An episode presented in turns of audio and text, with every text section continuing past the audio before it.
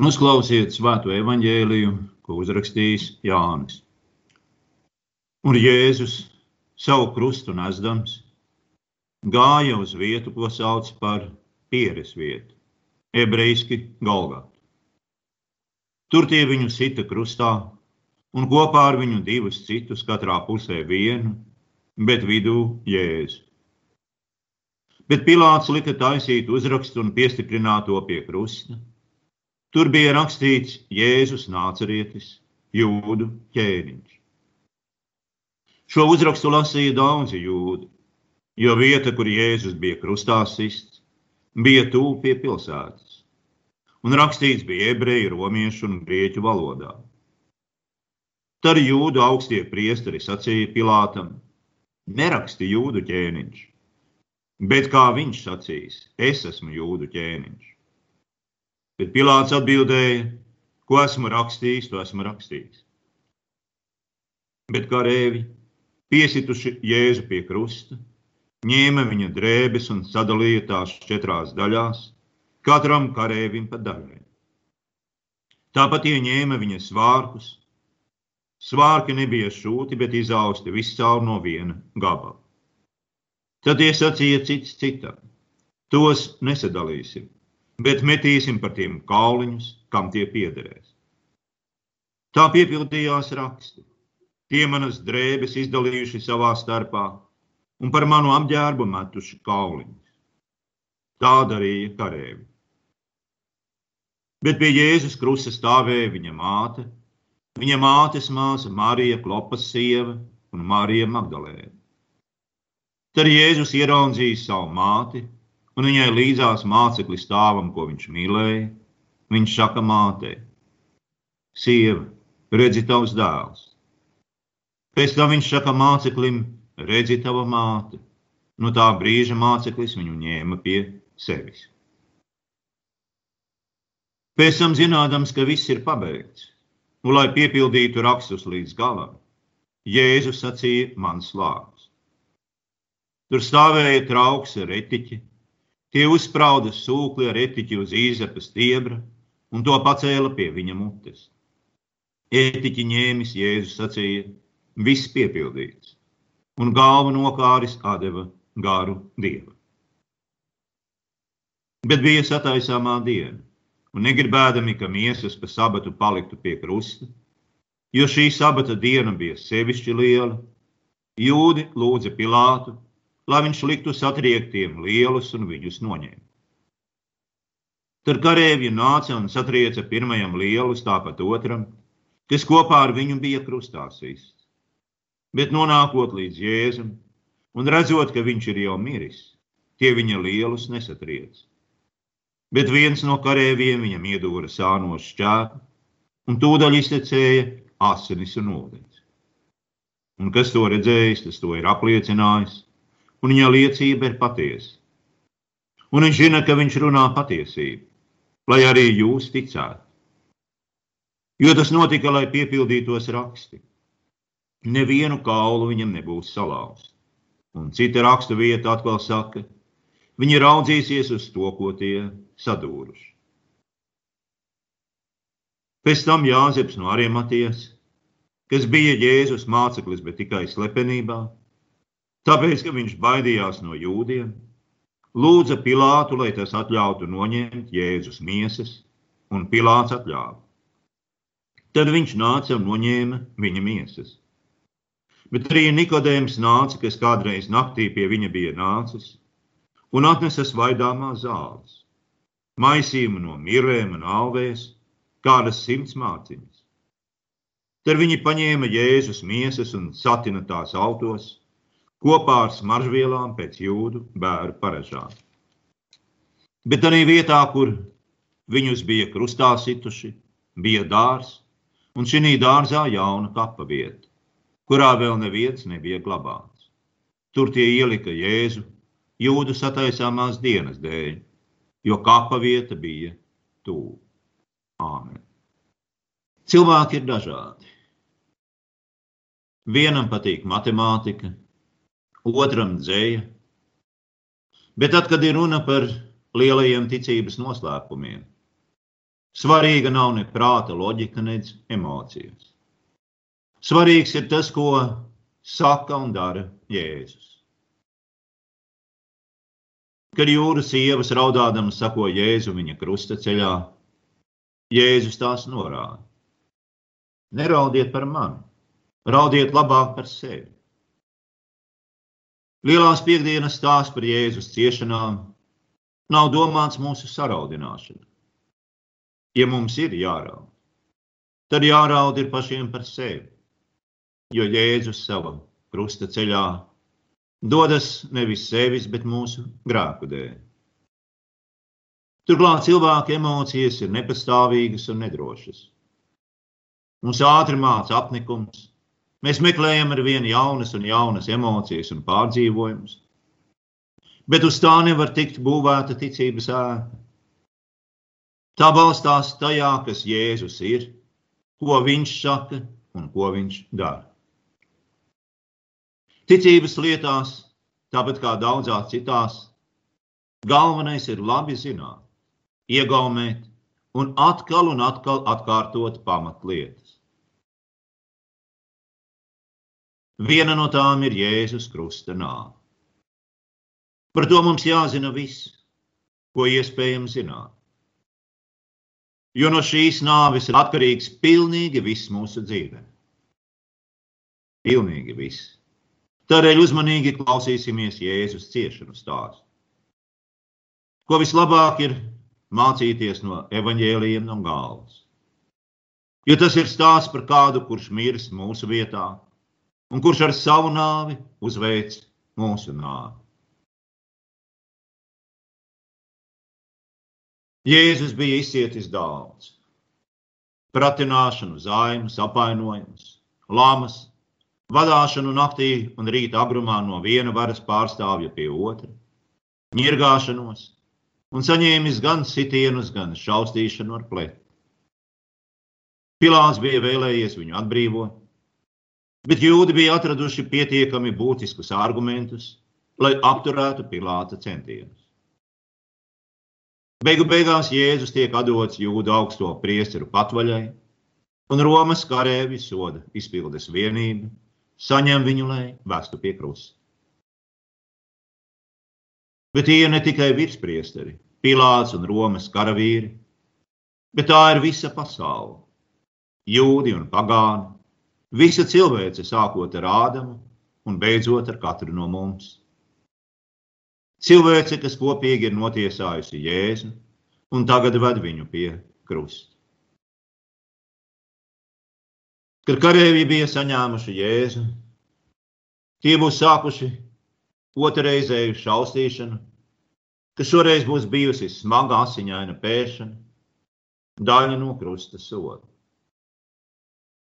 Izmocījis, negulējis, asis, Jēzus ņem savu krusta stabu un dodas uz soda izpildes vietu. Viņš pats būs nesis krusta stabu līdz pilsētas vārtiem kur viņš no asiņu zuduma, sāpēm un noguruma būs sabrucis. Un tad karavīri bija piespieduši kādu kirēnieti sīmenu, nelielu gabaliņu, nest krustu tālāk Jēzus vietā. Ceļš veda uz Golgā, pakalnu, kas atradās tuvu pilsētai, bet ārpus Jeruzālēmas mūriem. Pašu krustā sišanu evaņģēlists apraksta tikai ar palīgteikumu. Grieķu valodā tas patiesībā ir tikai viens vienīgs vārds, un tas arī viss. Kādēļ tik īsi? Tādēļ, ka tam, ko spējam pateikt ar vārdiem, ir robežas. Un tā kā evaņģēlis neko vairāk nesaka, tad mēģinājumi aprakstīt Jēzus mokas un ciešanas būs nekas vairāk kā tikai spekulācija vai centieni kādu saraudināt. Pietiks ar to, ka Jēzus ciešanas pie krusta bija briesmīgas un vārdos īsti neaprakstāmas. Jo tur viņš izcieta mūžīgas mokas par mūsu grēkiem. Tiem, kam patīk jūtas un emocijas, mūžīgas ciešanas šķiet kaut kas pārāk briesmīgs, un tie beigās nonāk pie secinājuma, ka nevainīgajam ciest vainīgo vietā ir netaisnība. Turpretī Jēzus pats saka, ka viņš uzņēmās mūsu ciešanas, lai piepildītu visu taisnību. Viņa ciešanas tā tad ir cieši un visciešākā veidā saistītas ar taisnību.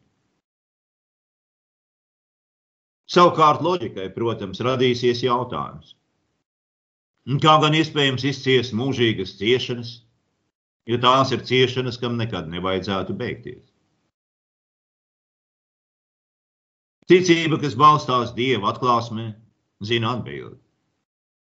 Cieta ne tikai Dievs vai cilvēks, bet cieta patiesa cilvēks un patiesa Dievs vienā personā. Un tas, protams, ir brīnums, ko sauc par Jēzu Kristu. Un tātad kaut kas tāds, kas nav izskaidrojams ar cilvēka loģiku. Un tālāk lasām, ka Pilārs lika izgatavot uzrakstu, un piesiprināt pie krusta. Uz tā bija rakstīts Jēzus nācerietis jūdu ķēniņš. Un šo uzrakstu lasīja daudzi jūdi, jo vieta, kur Jēzus tika sist krustā, bija tūp pie pilsētas. Un rakstīts bija trīs valodās - ebrejiski, latīniski un grieķiski. Vārds uzraksts ir tulkojums no latīņu vārda titulus. Tituls bija tehnisks termins, ar kuru apzīmēja noziedznieka kaklā pakārtu dēlīti, uz kura bija rakstīts noziedznieka vārds vai pasrādātais noziegums, vai arī abi divi. Šis uzraksts bija Pilāta atriebība par jūdu draudiem apsūdzēt viņu imperatora Tibērija priekšā par dumpinieku aizstāvēšanu. Jēzus tituls virs krusta bija labi redzams jo Golgāta atradās netālu no pilsētas ceļa malā. Un šo uzrakstu lasīja daudzi jūdi, svētceļotāju pulki, kas Paskas svētku laikā bija ieradušies Jeruzalemē. Lai iespējami daudzi varētu izlasīt titulu, Pilārs to bija licis uzrakstīt trīs valodās - aramiešu, latīņu un grieķu valodā. Aramiešu valoda bija vietējā jūda valoda, kurā tie runāja ikdienā. Latīņu valoda bija oficiālā Romas impērijas valoda, bet grieķu valoda tā laika starptautiskā valoda. Ja Jēzus patiešām bija tik bīstams noziedznieks, kā jūdu virspriesteri viņu iztālot, tad lai visa pasaule tagad redz, kas īsti ir viņa noziegums - jūdu ķēniņš. Nu, jūda augstie priesteri, protams, nav apmierināti ar Pilāta uzrakstu un nekaunīgi pieprasa to mainīt. Pavisam nesen tie bija paši apgalvojuši, ka bez Cēzara tiem nav cita ķēniņa. Un apgalvojums, ka bezpalīdzīgais, nolādētais un mirstošais iztumtais ir viņu ķēniņš, tiem būs šķitis briesmīgs apvainojums. Daudz nekaitīgāk un pareizāk pēc viņu domām būtu sacīt, ka šis vīrs pats sevi sauca par ķēniņu. Jo tagad patiešām izskatījās, ka Jēzus visas pasaules priekšā tiek attēlots kā viņa ķēniņš, un kā tāds paliks arī visā jūdu vēsturē. Un tas, protams, viņu stracina. Lai gan uzraksts pie krusta parasti kalpoja kā apsūdzība, Pilāta versijā tas kļūst nozīmīgs tituls. Kā pagāns Pilārs gan nesauc Jēzu par Izrēlu, bet jūdu ķēdi. Tas bija tituls, kuru Romas imperators savulaik bija piešķīris savam draugam Herodam Lielam. Un Pilārs arī pievieno Jēzus vārdu un norāda, ka viņš ir no Nāceretes. Pilārs būs labi zinājis, ka neviens jūdu ķēniņš nav nācis un nevar nākt no Nāceretes. Jo beigu beigās nācerete nemaz neatradās Jūdejā, bet gan Galilejā. Pilārs labi zināja, ka Jēzus ir nevainīgs, un, protams, to zināja arī jūdu priesteri. Virspriesteri bija piespieduši Pilātu pakļauties un sist Jēzu krustā kā dumpinieku. Bet nu tagad, lai visa pasaule lasa, Jēzus no nāceretes jūdu ķēniņš. Šādi Pilārs vēlreiz apstiprina Jēzus nevainību. Ikvienam, kurš lasīs šo uzrakstu, tas būs acīm redzams.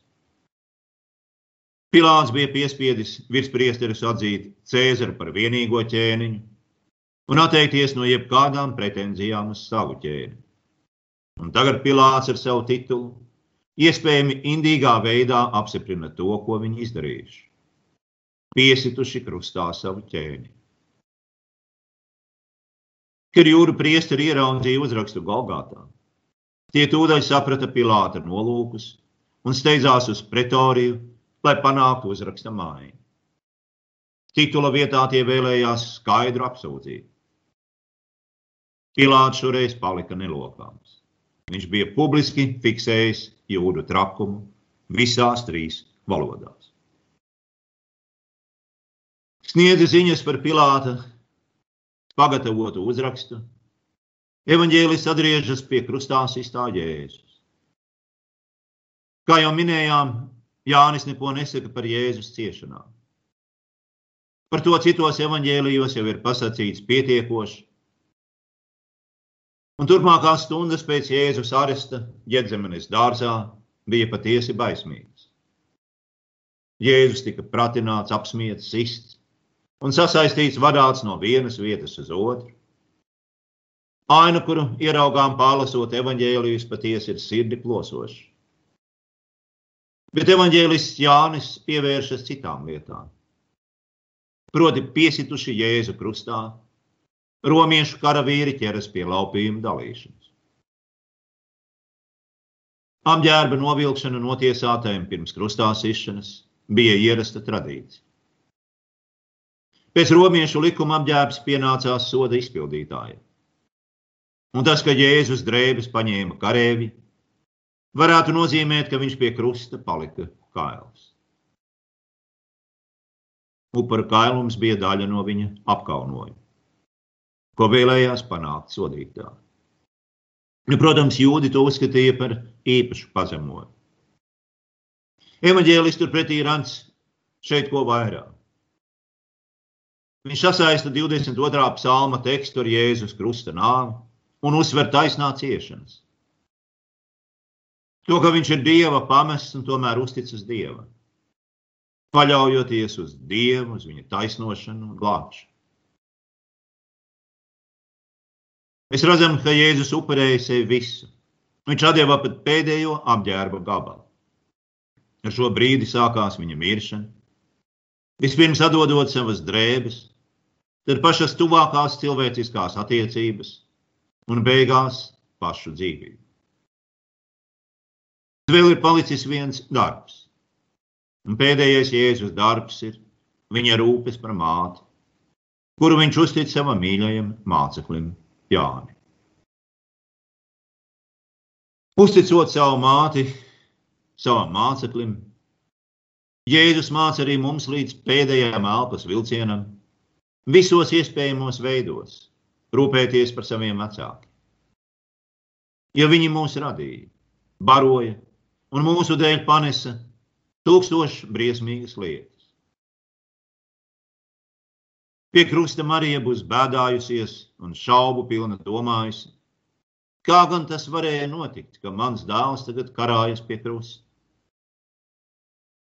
Un tagad piepildījās tas, ko templī bija pravietojis Simjāns. Sakot, ka caur Marijas sirdi spiedīsies zobens, ar zobenu saprotot dziļas sāpes un ciešanas. Tādēļ Jēzus nepievērsams uzmanību pat savām ciešanām, kā mīļš un krietns dēls, parūpējas par savu māti, nododot viņu savā mīļā mācekļa ziņā, mierinot, dāvājot aiz sevis vietā savu mīļo apostolu. Jēzus labi apzinājās, kas pašreiz notiek viņa mātes galvā. Viņš zināja, kādas bēdas un sajukums tur valda. Un tādēļ viņš lika viņu labākajās, iespējami gādīgākajās rokās.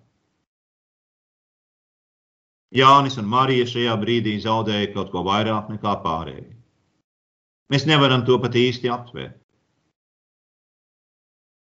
Jo nevienam no mums nav bijis jāredz tas, ko bija jāredz viņiem. Un tādēļ viņi jutās arī viens otram vistuvāk. Abiem šajā brīdī visvairāk vajadzēja mierinājumu un vajadzēja īpašu mierinājumu. Jēzus to redzēja. Viņa sirds saprata, un viņš nekavējoties parūpējās par abiem saviem mīļākajiem cilvēkiem, kopā ar kuriem bija piedzīvojis skaistākos brīžus savas šīs zemes dzīves laikā. Un šķiet, ka Jēzus arī nebūs vēlējies, lai viņa māte un mīļais māceklis redz pēdējās briesmīgās viņa mokas pie krusta. Tas varētu priekš tiem būt pārāk daudz. Jēzus, kurš ir atteicies no visa, tagad atsakās arī no savas ģimenes un mīļotajiem cilvēkiem. Uzticotos vienam otram. No šīs stundas Jānis ņēma Mariju savās mājās. Diženai šajā brīdī ir tas, ka Jēzus pievērš īpašu uzmanību saviem mīļajiem, kurus viņš mīl līdz galam. Tāpat kā tajā brīdī, kad viņš nāca pūpoles vēdienā uz Jeruzālemi, viņš apstājās ceļa malā un dziedināja aklo Bartolomēju. Savā ceļā viņš vienmēr ievēroja visu. Nekad neko viņš nepalaida garām.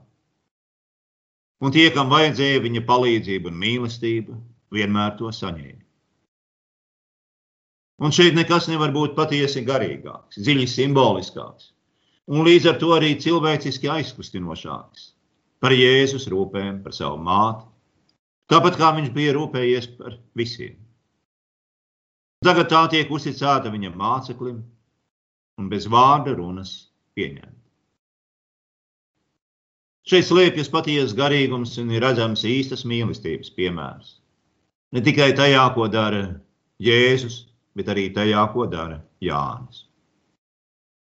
Aizveris Mariju uz mājām.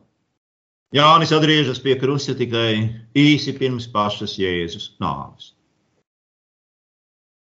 No krustā sišanas brīža bija pagājušas vairāk nekā trīs stundas, un šajā laikā bija noticis daudz kas. Grūtākā Jēzus uzdevuma daļa - viņa ciešanas pie krusta un dieva pamestība, kuru viņam bija jāpiedzīvo mūsu dēļ. Un tagad, kad viņa krusta darbs ir pabeigts, Jēzus lūdz padzerties, kā strādnieks pēc krietna darba. Viņš zināja, ka viss, kam jānotiek saskaņā ar rakstu pravietojumiem, ir pabeigts. Un tādēļ, ka viņš to zina, viņš saka, mans slāpes. Visi raksti ir piepildīti. Un nav nekā tāda, kas vēl jāpiepilda un jāpabeidz. Protams, mēs varam šeit redzēt arī kādas garīgas nianses, piemēram, jēzum slāpst mūsu pestīšana. Bet labāk paliksim pie realitātes un nesakosim tālānām domām, jo Jēzus šeit vēlas nedaudz samitrināt savas lūpas un kaklu, lai viņa sasprāgājušās lūpas un izkautusī rīkla spētu skaļi izkliegt lielo, triumfējošo, pēdējo uzvaras vārdu. Saņēmis no karavīra skābo vīnu, kas atradās pie krusta, karavīru slāpju vildzēšanai, Jēzus skaļi sauca, viss piepildīts. Pestīšanas darbs ir pabeigts. Ar šo vārdu Jēzus vispirms vēršas pie sava debesu tēva, bet tas ir domāts arī mums visiem. Ar šo vārdu Jēzus uzvaroši atskaitās savam tēvam, kurš viņu bija sūtījis pasaulē. Darbs ir paveikts un pabeigts. Un tā ir varena uzvaras balss, kura Jēzus tagad liek atbalsoties pašos ēles dziļumos un pašās debesīs. Neticamais tēva uzticētais uzdevums tagad ir izpildīts. Kauja ir beigusies, čūskas galva sabradāta, ēles valdniekam ir atņemta vara un valdīšana. Un tas ir paveikts tieši ar šo viņa paša tumšāko no visiem tumšajiem darbiem. Grāka izpirkšana ir īstenota, Paradīzes vārti ir plati atvērti. Siena, kuras šķīra dievu un mūs ir nojaukta, taisnība sagatavota, viss ir gatavs. Dieva jērs ir nokauts un upurēts par pasaules grēku. Augstais priesteris ir pabeidzis savu upuri. Dieva dēls ir devis un upurējis savu miesu un dzīvību, un samaksājis par visu cilvēku grēku. Grēks ir izdeldēts, dieva dusmas samierinātas, nāve uzvarēta, dieva valstība izcīnīta, debesis atvērtas. Viss patiešām piepildīts un pabeigts. Un nevienam vairs nav jāsarīdās, It kā būtu kas tāds, kas vēl jāpiepilda un jāpabeidz. Viss ir pabeigts. Tūdaļ pēc tam, kad Jēzus bija izkliedzis savu pēdējo vārdu, viņš galvu noliecis atdeva gāru. Savas šīs zemes kalpošanas laikā Jēzus bija sacījis: Lapsām ir alas un debesu putniem līgzdas, bet cilvēka dēlam nav kur galvu nolikt. Jānis būs atcerējies šos jēzus vārdus, sakot, ka tagad beidzot cilvēka dēlam ir mājas, viņam ir miers un atpūta. Viņam ir kur nolikt savu galvu. To, kā viņam nebija šajā pasaulē, viņš atrada pie krusta. To, kā viņam nebija dzīvē, viņš atrada nāvi. Tad jūda augstie prieseri, kas formāli ievēroja bauslības priekšrakstus, Lūdza Pilātam satriekt krustā sistajiem lielus, lai pātrinātu nāves iestāšanos. Protams, tā ir skumja ironija. Tie, kuri ir nepatiesi notiesājuši Jēzu, parūpējušies par viņa sodīšanu, tagad demonstrē savu dievbijību attiecībā uz sabata ievērošanu. Piesituši krustā sabata kungu, viņi domā par sabatu. Jūda priesteri varbūt arī cerēja, ka tautas acīs kāju salaukšana liks Jēzum izskatīties patiesi nolādēta un dieva pamest. Pilāns deva savu piekrišanu, un karēviem tika pavēlēts izpildīt rīkojumu. Nonākuši līdz Jēzum, karēvi viņa lielus tomēr nesatriec, jo izrādījās, ka Jēzus jau bija miris. Šādā brīnumainā veidā, jo nāve bija iestājusies neparasti ātri, Jēzus miesa tika pasargāta no sakropļošanas. Un tad kāds no kareiviem, lai būtu pārliecināts, ka Jēzus patiešām ir miris, iedūra viņa sānos šķēru. Dūriens bija tēmēts sirdī, un no brūces iztecēja asinis un ūdens. Asinis un ūdens iztecēšana sniedz apstiprinājumu, Jēzus patiesi ir miris. Šajā vietā evanģēlists Jānis pēkšņi pārtrauc savu stāstījumu, lai uzrunātu lasītāju personas. Lai gan ir pagājuši daudzi gadi, viņš joprojām šo ainu redz savu acu priekšā. Un viņš uzsver, ka viņa liecība ir patiesa, ja viņš stāsta to, ko redzējis pat savām acīm. Redz vēl joprojām. Varam iztēloties, ka apustulis stāv savas draudzes vidū Efezā un lasa šos vārdus savās prediķi. Lasa tos atkal un atkal un atkal. Un klausītāji atkal un atkal tos klausa, un tiem nekad nepietiek. Viņi saka, vēl, vēl atkārto pastāst. Tas, kurš to ir redzējis, stāv viņu priekšā un apstiprina, ka viņa vārdi ir patiesi. Lai arī jūs varētu ticēt, tāpat kā tic viņš. Baznīcas ticība, arī mūsu ticība, balstās acu liecinieku liecību. Tādēļ mums šie vārdi ir tik ārkārtīgi svarīgi. Evanģēlista tālākie vārdi tas notika.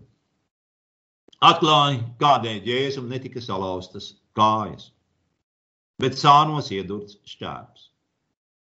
Tas notika, lai piepildītos raksts.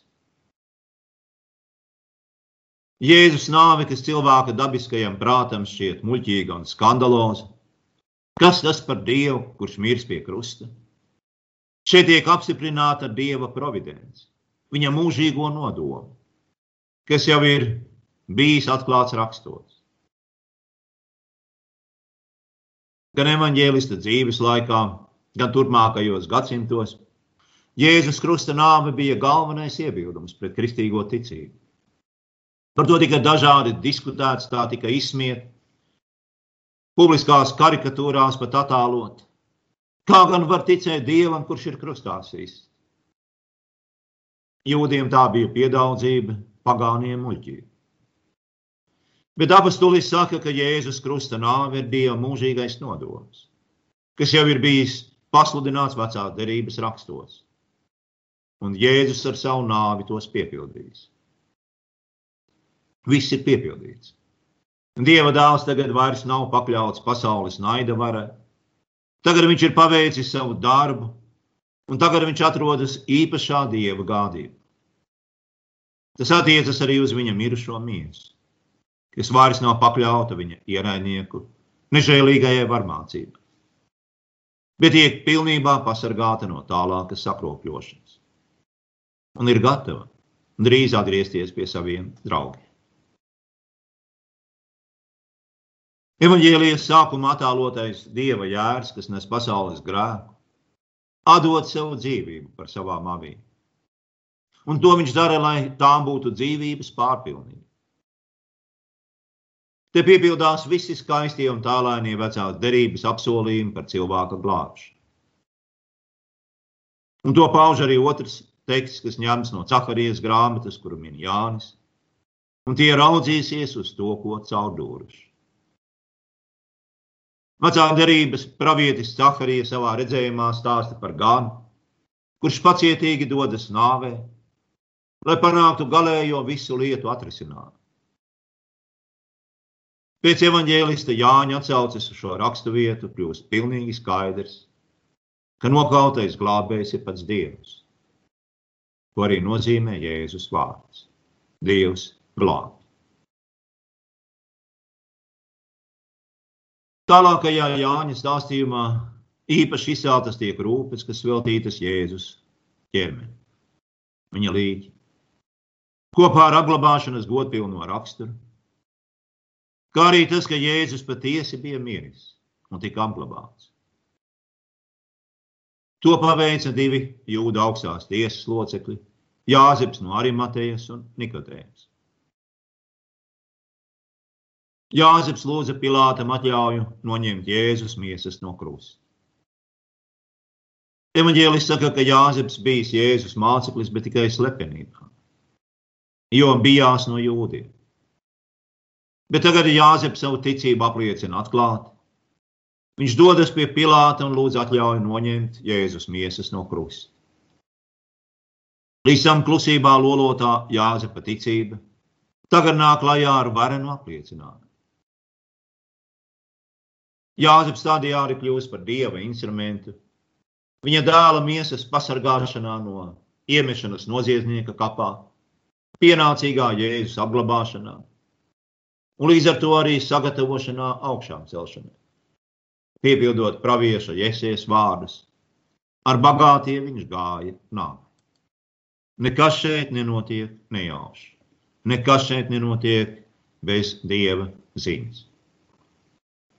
Otrs vīrs, Nikodējums, jau iepriekš bija sarunājis ar Jāzepu, ka katrs no viņiem nopirks daļu nepieciešamā lai Jēzus varētu tikt pienācīgi apglabāts. Un Nikodējums atnesa smaržu vielu maisību, un to bija daudz simts mārciņas.